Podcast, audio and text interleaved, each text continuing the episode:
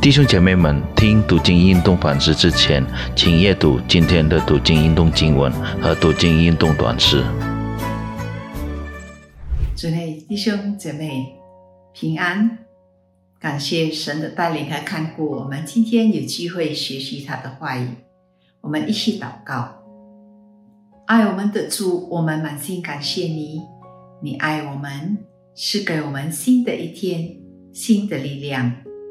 也给我们有机会可以学习你的话语，神灵求你帮助我们，光照我们的心，让我们能够明白你的话语，并应用在我们日常生活中，使我们生活能讨你的喜悦。这样祷告，奉靠耶稣基督的名，阿门。今天我们要学习的经文取自于诗篇第二十篇。主题是上帝子民的信心。我给大家念诗篇第二十篇：愿耶和华在你遭难之日子应允你；愿名为雅各上帝的高举你；愿他从圣所救助你，从西安坚固你，纪念你的一切贡献，悦纳你的凡祭。将你心所愿的赐给你，成就你的一切筹算。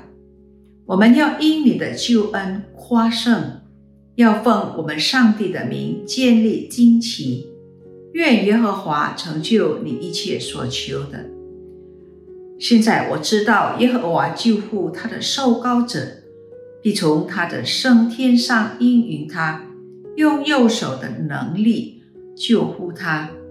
有人靠车，有人靠马，但我们要提到耶和华我们上帝的名。他们都屈身仆倒，我们却起来立得正直，求耶和华施行拯救。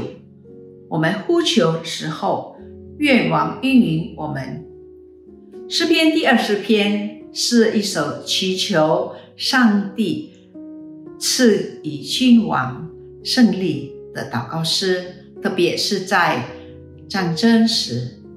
诗篇第二十篇的重点是相信上帝会救护他的受膏者，并赐给他胜利。当时的百姓在大卫出兵打仗之前，为也为他祷告，他们祈求耶和华帮助。大卫的军队在战场上得胜，也祈求上帝听君王的祈祷，保护他免被仇敌的扰害，帮助和支持他。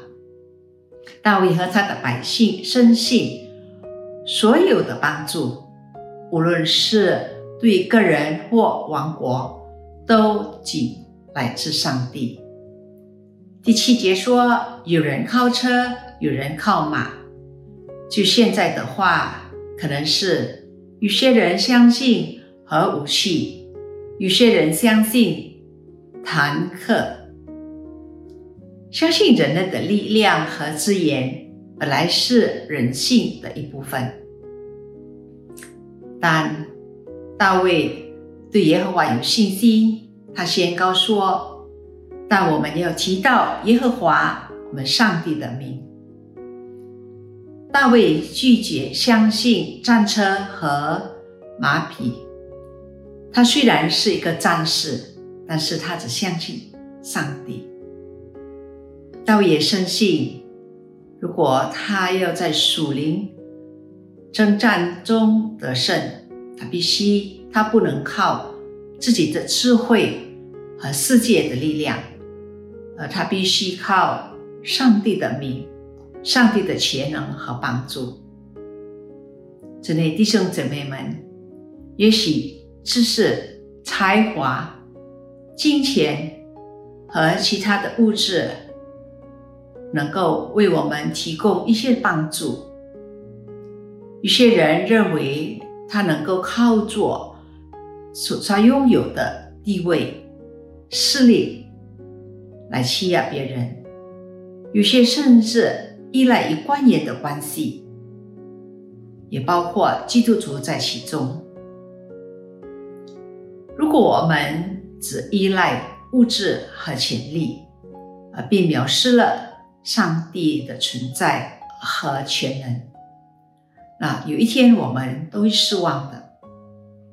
这个世界上的一切都是暂时的。今天我们可以富有，但并不能保证我们永远富有。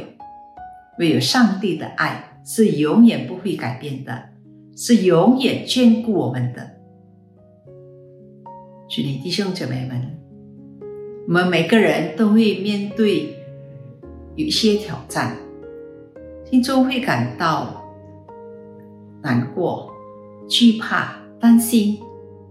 让我们以谦卑的心来到神的面前，思想他在我们生命中伟大的作为，祈求神帮助我们。我们心里要有信心，相信上帝会为我们预备最好的。我们也每一天要与上帝有亲密的关系，全心全意的敬拜他。